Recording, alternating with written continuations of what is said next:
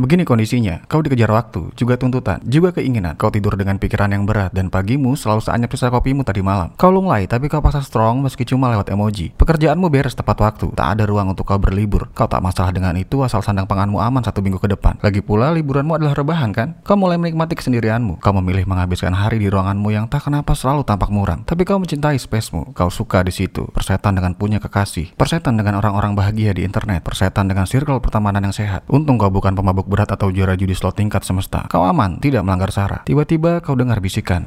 kawin. Kau acuh karena itu bukan lagi prioritas. Prioritasmu adalah tetap bernafas satu detik ke depan. Maka kau jadi suka random, memperhatikan stories teman-temanmu, menebak maksud dari lagu yang diputar, menganalisis kata-kata yang sengaja dikecilkan syukuran upil. Bahkan kau merumuskan perasaan seseorang cuma dari foto profilnya yang kosong.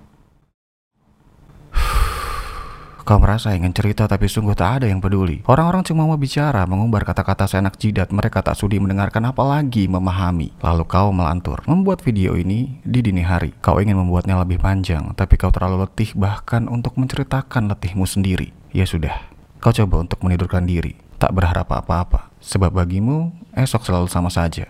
Letih dan muram selalu.